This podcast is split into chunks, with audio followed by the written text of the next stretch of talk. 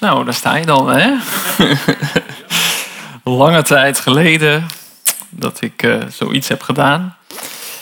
Maar uh, de vraag kwam van Frits en uh, kreeg ik al vrij snel een onderwerp op mijn hart. En dat is waar ik het met jullie over wil hebben. En dat is wandel in je bestemming. Wandel in je bestemming. En um, ik vond het wel mooi. Vorige week hadden we Martjan hier. En uh, die heeft wat uh, gedeeld.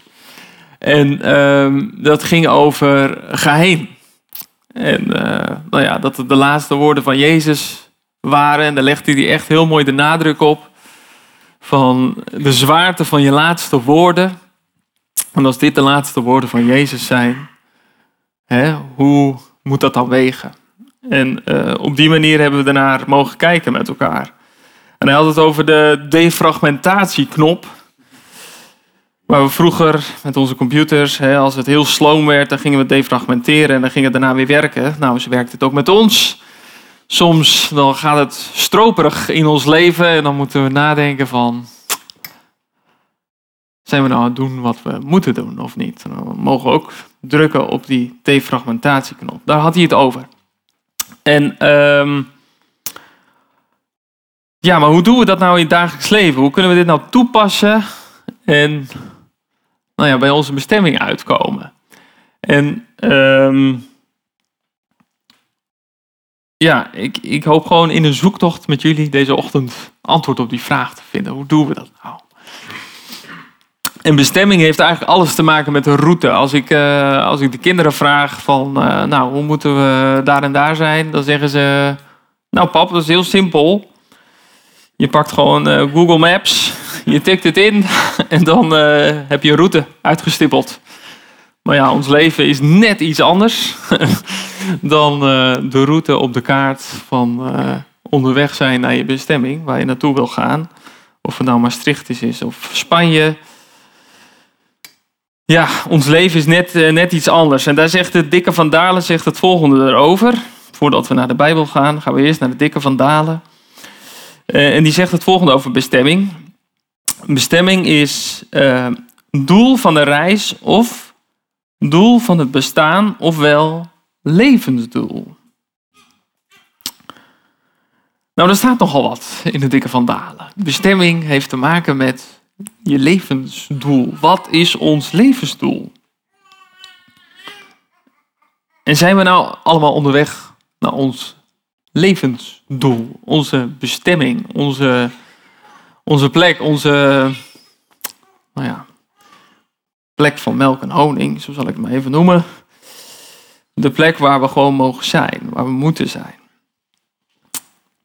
En als christenen geloof ik dat we allemaal eigenlijk een een algemeen levensdoel hebben. En die heeft Martjan vorige week al even aangestipt. Ga dan heen. Dat is een, een algemene roep voor ons als christenen. Dat we gewoon heen mogen gaan. Dat we mensen mogen vertellen van Jezus. Dat Hij de redder is. Dat Hij gestorven is voor onze zonde. Dat Hij alles gedragen heeft. En dat we op Hem mogen zien. En een ander algemeen levensdoel waar vaak mensen naar verwijzen staat in Micha 6 vers 8. En dat vond ik wel mooi. Martjan had een filmpje gedeeld en dat stond op zijn shirt toen hij dat deelde. Stond die tekst ook met uh, de afbeeldingen erbij. En daar staat: Do justly, love mercy, walk humbly. In het Nederlands is dat doe recht. Ja, heb barmhartigheid of goede tierenheid. Heb dat lief. En wandel in alle nederigheid. En als je die, die woorden eigenlijk zodat je binnen laat dringen, dan zijn het allemaal, ja, spreekt het over een levenshouding, wat we mogen hebben door het leven heen. Dat uh, spreekt van, ja, dat we recht mogen doen, dat we de ander, ja, eigenlijk de helpende hand mogen bieden als hij, als hij het even niet meer zit zitten, dat we uit mogen reiken naar zij die het nodig hebben. Dat is de ene kant. Dat we genade lief mogen hebben. Dat we het kruis mogen zien. Jezus is genadig geweest door voor ons, maar ook voor al die mensen die Hem niet kennen, om voor hun verlossing teweeg te brengen. Dat mogen we lief hebben. En dat we dat mogen doen in alle nederigheid. Dat we in onze wandel, ja, eigenlijk niet zeggen van onszelf op de borst kloppen. Kijk, mij is nou zo fantastisch zijn. Omdat we altijd mogen wijzen naar Hem. Dat, dat we zeggen van, nee, niet ik. Niet ik, maar Christus leeft in mij. Dat dat ons levenswandel en levenshouding mag zijn. Dat zijn dus, ja, zoals ik het even in, uh, nou ja, deze woordverkondiging zou willen noemen, onze algemene levensdoel als christenen, als kinderen van God, als, ja, als navolgers van Christus. Maar wat is nou onze eigen bestemming, onze specifieke bestemming voor ons als persoon, voor jou, voor jou, gewoon jou als persoon als je hier bent. We zijn allemaal uniek gemaakt met allemaal bijzondere gaven, bijzondere eigenschappen, bijzondere kenmerken. En we mogen die eigenschappen, die kenmerken, die talenten mogen we inzetten voor het koninkrijk. Maar hoe doe je dat nou? En het kan best wel zwaar klinken, hè, met bestemming. Poh, dan, is het, eh, dan moet ik de zending in of dan moet ik uh, nou, van alles doen en alles achterlaten. Dat is helemaal niet zo. Het is eigenlijk gewoon je dagelijkse wandel met God. En, ehm, en wat, je daarin, uh, wat je daarin doet, wat je daarin raadpleegt. Waar luister je naar? En ehm, ja, eigenlijk die Google Maps. Wat, wat is nou die Google Maps van God? wij hebben onze Google Maps om een bestemming te bereiken. Als we met de auto weggaan of met de fiets of aan het wandelen zijn binnen de stad, dan tikken we dat heel makkelijk in. Maar onze Google Maps in het leven, ja, dat is eigenlijk Gods woord. Daar mogen we eigenlijk in lezen, ons laten inspireren, wat God eigenlijk tot ons wil spreken, iedere dag opnieuw. En um, in Psalm staat het zo mooi, hè? Uw woord is een lamp voor mijn voet en een licht op mijn pad. En we mogen Gods woord gewoon gebruiken als levensgids. Als wij het even niet weten, als we het even niet begrijpen en we lezen in Gods woord, dan mogen we daar openbaring over vragen aan de Heilige Geest. Heilige Geest, wat wilt u, wat wilt u nou tot ons zeggen door uw woord? En uh, als je in een bepaalde situatie zit, dan mogen we in de Bijbel mogen we daar onze houvast aan vinden.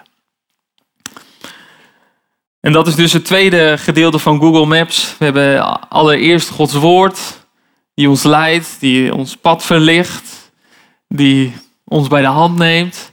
Maar we hebben de Heilige Geest, die ons dat openbaart en de volle waarheid laat zien. Zoals dat in Johannes 16, vers 13 staat. Daar staat het volgende. Er staat, maar wanneer die komt, de geest van de waarheid, zal hij u de weg wijzen in heel de waarheid. Want hij zal niet vanuit zichzelf spreken, maar wat hij gehoord zal hebben, zal hij spreken. En de toekomstige dingen zal hij u verkondigen. Dus de Heilige Geest die wil ons openbaren wat we mogen gaan doen. Hij, mag hij wil ons laten zien wat die volle waarheid is in elke situatie. Van wat is uw waarheid? Wat mogen wij hier op dit moment spreken in deze specifieke situatie? En de Heilige Geest die wil het ons openbaren. En die wil dat doen in lijn met Gods woord. En dat mogen we iedere dag opnieuw tot ons nemen. En als we kijken naar eh, wat er in uh, Romeinen 8 staat, en dat is de eerste tekst die ik uh, voor de beamer heb opgegeven bij, bij Joël. Als het werkt. Um, ja, het werkt. Mooi. En ik lees uit de herziene statenvertaling. En dan staat het volgende. Immers, zij die naar het vlees zijn, bedenken de dingen van het vlees. Maar zij die naar de geest zijn, de dingen van de geest. Want het denken van het vlees is de dood. Maar het denken van de geest is leven en vrede. Immers, het denken van het vlees is vijandschap tegen God. Het onderwerpt zich namelijk niet aan de wet van God. Want het kan dat ook niet. En zij die in het vlees zijn, kunnen God niet behagen. Eigenlijk wat we hier in het kort lezen is, als we ons laten leiden door de Heilige Geest, dan laten we ons leiden door het leven. En dan kunnen we Gods wil doen. Anders kunnen we dat helemaal niet. Want ons vlees wil dat helemaal niet. Die, eigenlijk de begeerte en de verlangens van het vlees, wat nou ja, ons, zondige natuur, die wil helemaal niet doen wat God van ons vraagt. Die wil helemaal niet Gods wil doen. Daar hebben we de Heilige Geest voor nodig. En daarom is het belangrijk dat we de Heilige Geest iedere dag opnieuw uit mogen nodigen in ons hart. En dan zeggen, Vader, wilt u door uw Heilige Geest ons leiden deze dag? Maar de vraag is, die in deze tekst eigenlijk naar voren komt, laat jij je leiden door de Heilige Geest? Of laat jij je leiden door het vlees? En dat mogen we ja, in ons leven iedere dag opnieuw mogen we die vraag stellen. Door wie laat ik me vandaag leiden?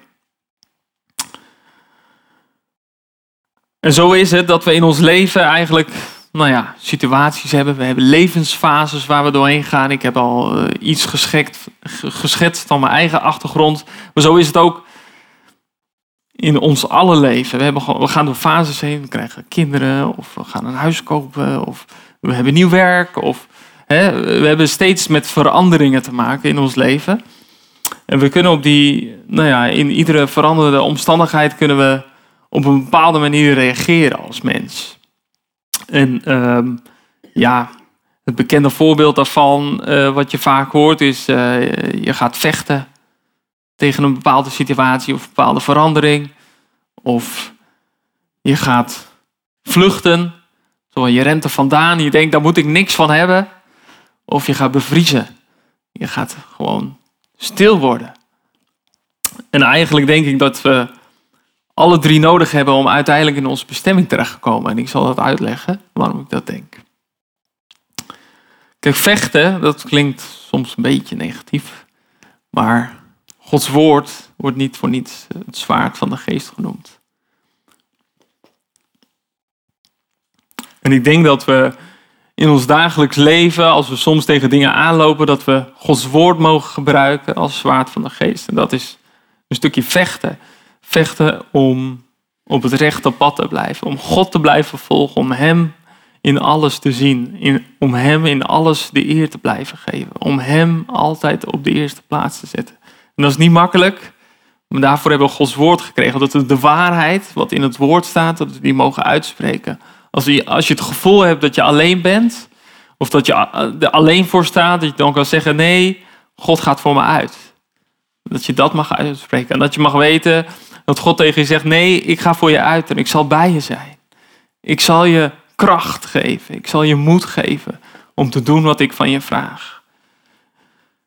Dat is waarom ik denk dat vechten niet per se helemaal verkeerd is. We vechten met het woord van God tegen de leugen van de vijand. En het tweede, dat is vluchten. En vluchten, dat moeten we doen van de zonde. Dat staat ook letterlijk in de Bijbel. Als je als iets je verleidt tot zonde, hè, het extreme voorbeeld, als je oog verleidt tot zonde, ruk het dan uit. Hè, dat staat in de, in de Bijbel. Hoef je, hoef je niet te doen. Maar waartoe ik oproep, als een bepaalde plek of een bepaalde plaats of een bepaalde vriendschap je verleidt tot zonde, dan moet je ervan vluchten. En dan moet je niet erin blijven hangen en erin blijven staan.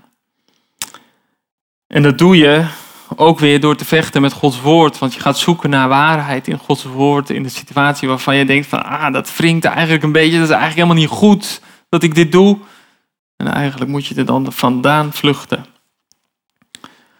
En bevriezen, waarom zouden we dat nou eigenlijk moeten doen? Nou, in deze tijd worden we opgeslokt door van alles en nog wat. En we worden opgejaagd. En soms kan het voelen dat we in een trein zitten die maar niet wil stoppen. Maar soms is het goed om te bevriezen. En soms gebeurt dat door letterlijk stilgezet te worden om aan je herstel te werken, zodat je weer van binnenuit hersteld wordt om weer uit te kunnen gaan delen. Zodat je niet in je gebrokenheid blijft wandelen of in je automatisme blijft wandelen, maar dat je stilgezet wordt om weer bij de kern te komen. Waar gaat het ook alweer om? Oh ja, het is het volgen van Jezus. Het is Jezus op de eerste plaats zetten. Het is God alle eer geven. En daarvoor is bevriezen zo belangrijk. En um, ja, de vraag is die we mogen stellen. Zijn we, eh, zijn we wel eens bevroren geweest of niet? Zijn we wel eens stilgezet? Of moeten we onszelf stilzetten? Om eigenlijk weer ons te laten voeden vanuit Gods woord en Gods ja, bedoeling voor jouw specifieke bestemming. En ehm, die vraag kan ik natuurlijk niet beantwoorden, maar die kunnen we wel voor onszelf beantwoorden.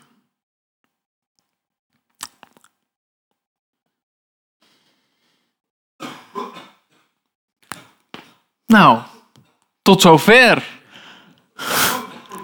Dit kan misschien allemaal heel zwaar en heel heftig klinken, maar we hebben een heel leuk gedeelte wat er nog aan zit te komen. Dus ehm, ik, uh, ik heb daarvoor uh, de volgende vraag. Dan zoek ik alvast eerst het Bijbelgedeelte op. Wie van jullie houdt van een goede serie? Wie vindt echt, oh man, dan kan ik van genieten en dan zit ik middenin. En als een aflevering afgelopen is, ja, dan laat ik hem gewoon doorlopen. En dan stiekem zit ik in de volgende aflevering, heb ik dat niet door. Oh, en voor ik het weet ben ik vier afleveringen verder. Wie, uh, wie houdt daarvan? Ja, ja, vooral als je daar tijd voor hebt, is dat heel fijn. Als je geen tijd hebt, dan is dat heel vervelend als je in een serie zit van dan, oh, ik wil toch weten wat er de volgende aflevering gebeurt. Nou, hè? De Bijbel is ook zo'n boek. Zo leuk. er zitten ook hele leuke verhalen in. En ik ga jullie meenemen in een heel leuk verhaal. En dat staat in uh, Genesis 27. Um, ja, en ik hoop ja, eigenlijk dat jullie daardoor geenthousiasmeerd worden om meer erin te gaan lezen. Want het is gewoon net een, uh, net een uh, goede serie. waarin je dan steeds denkt van nou, wat, wat staat er nou het volgende hoofdstuk? Nou, en hier uh, lezen we een stuk over het leven van Jacob en Esau. En ehm, twee hoofdstukken eerder dan, ehm, ja, dan verkoopt Esau om de een of andere reden zijn ehm, eerste geboorterecht voor een kop linzensoep. Want uh, ja, wat kon hem dat nou schelen? Hij had gewoon trek. En die soep zag er aantrekkelijk uit. En hij heeft zich nou ja, erover uitgelaten. Want prima joh, als jij de eerste zegen wil, Jacob, uh, of nee, niet de eerste zegen, het eerste geboorterecht wil, prima. Dan krijg je dat. Vind ik helemaal geen probleem. Nou, Genesis 27 gaat er over de eerste geboortezegen. Nou, dat is blijkbaar wat anders dan het eerste geboorterecht. En uh, daar staat het volgende. En het gebeurde toen Isaac oud geworden was en zijn ogen dof geworden waren, zodat hij niet meer kon zien, dat hij zijn oudste zoon Esau riep. En tegen hem zei, mijn zoon, hij zei, zie, hier ben ik. Hij zei, zie toch, ik ben oud geworden en ik weet de dag van mijn dood niet. Nu dan, pak je jachtgerij, je pijlkoker en je boog, trek het veld in en jaag voor mij een stuk wild. Maak dan een smakelijk gerecht voor me klaar, zoals ik het zag, nee, zoals ik het graag heb, en breng het me om te eten. Dan zal ik mijn ziel, dan zal mijn ziel je zegenen voordat ik sterf. En nu luisterde Rebecca mee. En toen Isaac tot zijn zoon Esau sprak, Esau ging het veld in om een stuk wild te jagen en dat mee te brengen. En toen zei Rebecca tegen Jacob, haar zoon, zie, ik heb je vader tegen Esau, je broer, horen zeggen, breng me een stuk wild en maak een smakelijk gerecht voor me klaar om op te eten. Dan zal ik je voor het aangezicht van de Heere zegenen, voor mijn dood. Nu dan, mijn zoon, luister naar mijn stem, naar wat ik je gebied.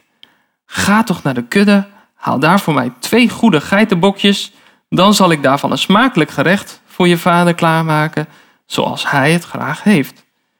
Dat moet je naar je vader brengen en hij zal het eten dat hij je zegenen. Nee, dan zal hij je zegenen voor zijn dood. Nou, mooi stukje toch? Stel, hier is het einde van de aflevering. Nou, zou ik wel spannend vinden wat er dan hierna komt. Want gaat Jacob er nou op in of niet? Het is een beetje raar verhaal. Je moeder verleidt je tot iets heel verkeerds. Maar ja, toen zei Jacob tegen Rebecca, zijn moeder, dus de tweede aflevering, zullen we maar even zeggen. Uh, toen zei Jacob tegen Rebecca, zijn moeder, zie, mijn, mijn broer Esau is een behaarde man en ik heb een gladde huid. Misschien betast mijn vader mij, dan zal ik in zijn ogen als een bedrieger zijn en zal ik een vloek over mij brengen en geen zegen. Maar zijn moeder, die maakte het nog erger, die zei tegen hem, laat je vloek mij dan maar treffen, mijn zoon, luister nu maar naar mijn stem en ga ze voor mij halen. En toen ging, ze, ging hij ze halen en hij bracht ze bij zijn moeder en zijn moeder maakte een smakelijk gerecht klaar, zoals zijn vader het graag had. En daarop nam Rebecca de kostbare kleren van Esau, haar oudste zoon, die ze bij zich had in huis, in huis had. En toen trok ze Jacob, haar jongste zoon, aan. Dus hij kreeg de kleren van Esau over zich heen. Het vel van de geitenbokjes trok ze over zijn handen en over zijn gladde hals. Ze gaf haar zoon Jacob het smakelijk gerecht in handen met het brood dat zij klaargemaakt had.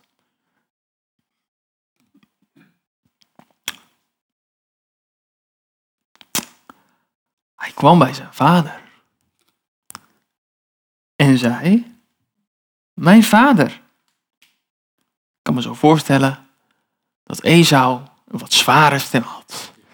En Jacob misschien toch een wat lichtere stem, aangezien ja, ik weet niet, dat is het beeld wat ik erbij heb, als ik het zo lees. Dus hij moest iets met zijn stem doen om te klinken als Esau. En hij kwam bij zijn vader en zei, mijn vader, en hij zei, zie, hier ben ik. Wie ben je, mijn zoon? Jacob zei tegen zijn vader, ik ben Esau, uw eerstgeborene. Ik heb gedaan wat u mij gezegd hebt. Richt u toch op Ga zitten en eet van mijn wildbraad, zodat uw ziel mij kan zegenen. En Isaac zei daarop tegen zijn zoon: Hoe is het mogelijk dat je dat zo snel gevonden hebt, mijn zoon? En hij zei: Omdat de Heere uw God het mij heeft laten tegenkomen. Isaac zei tegen Jacob: Kom toch wat dichterbij, zodat ik je kan betasten, mijn zoon. Of je werkelijk mijn zoon Esau bent of niet. Nou, uh, de vader voelde al wat onraad, Isaac. Zo van, nou, dit kan niet waar zijn. En toen kwam Jacob dichter bij zijn vader, Isaac, en die betastte hem. En hij zei, de stem is Jacobs stem, maar de handen zijn Esaus handen. Hij, herkende hem dus niet, omdat zijn handen, net als de handen van zijn broer Esau, behaard waren. En hij zegende hem. Hij zei, ben je echt mijn zoon Esau? En hij antwoordde, dat ben ik. En toen zei Isaac, zet het wat dichter bij me, dan kan ik, het, dan kan ik van het wildbraad van mijn zoon eten, zodat mijn ziel je kan zegenen. En hij zette het dicht bij hem en hij at. Hij bracht hem ook wijn en hij dronk ervan. En zijn vader Isaac zei tegen hem, kom toch dichterbij en kus mij, mijn zoon. Hij kwam dichterbij en kuste hem. En toen rook hij de geur van zijn kleren en zegende hem. Hij zei, nou ja, toen kwam de hele zegen. En het gebeurde. Ik ga sla een stukje over. En het gebeurde toen Isaac gereed was met het zegenen van Jacob. En Jacob nog maar net bij Isaac weggegaan was. Toen gebeurde het dat Esau zijn broer van zijn jacht terugkwam. Ook hij maakte een smakelijk gerecht klaar en bracht het bij zijn vader. En hij zei tegen zijn vader: Mijn vader, richt u op en eet van het wildbraad van uw zoon zodat uw ziel mij kan zegenen. En Isaac, zijn vader, zei tegen hem, wie ben je? En hij zei, ik ben uw zoon, uw eerstgeborene Esau. En toen beefde Isaac van grote en hevige schrik en zei, wie was het dan die een stuk wild gejaagd en het mij, en het mij gebracht heeft? Ik heb overal van gegeten voordat jij kwam. En ik heb hem gezegend. En gezegend zal hij zijn.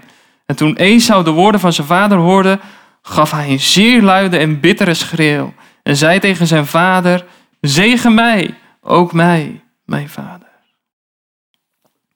Hij had dus door dat Jacob de zegen van hem gestolen had. En hij werd boos. En ik zal uh, even heel wat stukken overslaan. Maar Esau die wordt hier heel kwaad. En die, die gaat eigenlijk zich voornemen tot mijn vader overlijdt. Ik zal bij mijn vader blijven. Maar nadien, ik zal Jacob doden. Dat had hij zich voorgenomen. En Rebecca hoorde dat en die zegt tegen Jacob: Vlug, ga naar mijn broer Laban. Hij zal eh, voor je zorgen, want uh, je moet wachten tot de woede van Esau bedaard is. Nou, er gaan heel wat jaren overheen.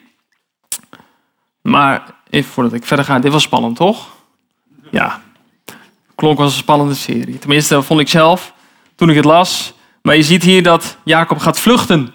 Hij vlucht van zijn plek waar hij eigenlijk moest zijn. En gaat naar Laban.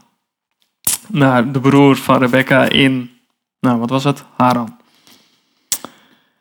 En um,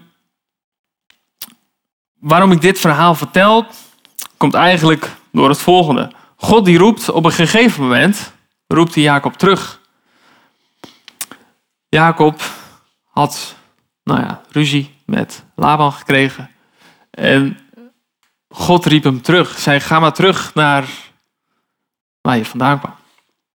Maar Jacob had daar niet zoveel zin in, want Esau is boos. En um, op de reis terug, dan zie je wel grappige details in het verhaal. Dan zie je dat op een gegeven moment komt hij erachter dat Esau hem tegemoet komt. Omdat, nou ja, hij een bode vooruit had gestuurd om te vertellen dat hij weer thuis komt. En de bode komt terug en die zegt, nou, Esau die komt ons tegemoet met 400 man. En hij denkt, oh nee, wat een ramp. Die gaat niet goed. Ik hoop dat hij uh, in vrede komt. En hij zet uh, twee kampen op. Hij laat, uh, nou ja, hij, gaat in het tweede kamp staan. Want als hij kwade bedoelingen heeft, dan wordt de helft getroffen van het eerste kamp en niet het tweede kamp waar hij dan zelf in zat. Um, en uiteindelijk, nou ja, ontmoeten ze elkaar weer op een gegeven moment. En dan ziet hij en hoort hij dat Esau goede bedoelingen heeft. En hij gaat zeven keer knielen voordat hij Esau tegenkomt. En uiteindelijk zegt Esau: Ik ben er. Uh, dan ziet hij, uh, dan ziet hij uh, de kinderen en zijn vrouwen. Dan zegt hij: Wie zijn dat? Ik ben blij dat ik je weer zie. En er is verzoening. En zo eindigt dat verhaal. En uh, ik ben al veel te lang aan het praten, merk ik aan de binnenkomst van de kinderen. Dus ik ga dit afronden. Um, ook al vlucht je, God is nog steeds bij je. En God is bereid om ook in je vlucht tot je te spreken. En je te laten zien waar je hoort en waar je mag zijn. Ook al zit daar 20, 30, 40 jaar tussen. God wil je tot je bestemming laten komen. En um, ik wilde heel kort eigenlijk de koppeling maken met kerst. Want uh, we zitten de dag voor kerst. En um, ik vind het altijd heel fascinerend als, uh, als ik het verhaal lees in uh, Lucas 2. En hij hoeft niet op de beamer hoor, Joël. We, we, kennen dat verhaal allemaal wel. Als Jozef en Maria die gingen jaarlijks naar Jeruzalem om Pesach te vieren. En uh, nou, toen de Heer Jezus 12 was uh, en ze waren weer naar huis gegaan na uh, de festiviteiten, was Jezus om een of andere manier niet meegegaan naar huis. En waren ze thuis gekomen, kwamen ze thuis pas achter dat, uh, nou ja, dat Jezus niet mee was. Hij, hij was toch niet bij de rest van het reisgezelschap. Hij is achtergebleven ergens. En ze zijn hem gaan zoeken. En ze zeiden we hebben hem weer gevonden in de tempel. Nou, dan, uh, hè, Jezus, waarom heb je dit ons aangedaan? Zegt Maria tegen hem. En dan zegt uh, de Heer Jezus, je weet toch dat ik hier bij mijn vader ben. En uh, nou, je leest in dat verhaal dat de Heer Jezus eigenlijk in gesprek is met de geleerden in de tempel. En uh, het woord eigenlijk aan het bespreken. Hè? Zo ging dat in die tijd. Zo van, nou, hoe uh, zou dit nou zijn bedoeld? Of hoe zou dit nou... Um, wat is de strekking hiervan? En, nou ja, daar konden ze in de tempel tussen de geleerden uitgebreid over praten. En, um, en ik vraag me wel eens af, zou de Heer Jezus toen, hè, bij het bestuderen van het woord, zou hij al die profetieën die over hem gaan, zou hij dat door hebben gehad? Zou hij dat geweten hebben? Zou hij dat gezien hebben van, hé, hey, dit gaat over mij? Wat er in Jesaja 53 staat, hè, dat zijn dat hij de onwaardigste onder de mensen zou zijn. Hè? Dat hij man van smarten, bekend met ziekte, als iemand voor wie men het gezicht verbergt. Dat hij veracht zou zijn. Dat hij de ziekte op zich heeft genomen. Zou hij dat door hebben gehad? Dit is mijn bestemming. En is dit misschien die tekst die in Jesaja 53 staat, waarin vers 7 bijvoorbeeld staat, als een lam werd hij ter slachting geleid, als een schaap dat stom is voor zijn scheerders, zo deed hij zijn mond niet open. Zou dat dan de tekst zijn waar Jezus aan denkt in het hof van de Gethsemane, dat hij bloed zweet en dat hij denkt, Vader. Alleen als het kan. Alleen als het kan. Alleen als het mogelijk is. Laat deze drinkbeker aan mij voorbij gaan.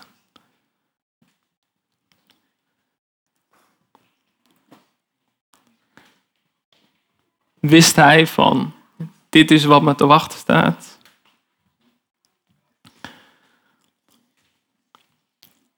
En stel je eens voor dat je weet wat de prijs is van het najagen en het volgen van Gods plan in je leven. Zou je het dan nog doen? Kan ik me Hele legitieme vraag. En als je weet dat je alles moet inleveren, zelfs je leven, dat je al je middelen, al je geld, al je rijkdom, al je energie, al je gemak. Dat dat het je allemaal gaat kosten. En dat je zal lijden. Stel dat dat zo is. Zou je dan nog steeds dat najagen? En dat is de vraag die we onszelf mogen stellen. Heer wilt ons helpen om u plan, uw bestemming met mijn leven, om die te volgen ondanks de prijs die het mag kosten. Zoals de Heer Jezus ons voorgegaan is in de wetenschap, dit is wat mij te wachten staat.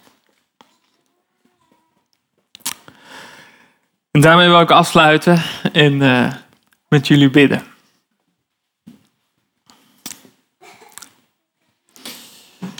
Vader, dank u wel, Heer, dat we ja, zo deze ochtend met elkaar stil hebben gestaan, Heer, bij uh, onze bestemming. Heer, waarin we mogen weten dat, uh, ja, dat, we, dat we niet zelf hard hoeven te werken, Heer. Heer, maar dat we U mogen volgen, Heer. Dat U ja, door die woord en door die Heilige Geest, Heer, dat U ons dat wil laten zien, Heer, waar we heen mogen gaan, waar we heen mogen stappen. Heer, in, uh, in het vertrouwen en geloof, Heer, dat U ons leidt. Heer, en als we soms aan het vluchten zijn van die bestemming, Vader, dan bid ik, Heer, dat U bij ons blijft. Heer, zo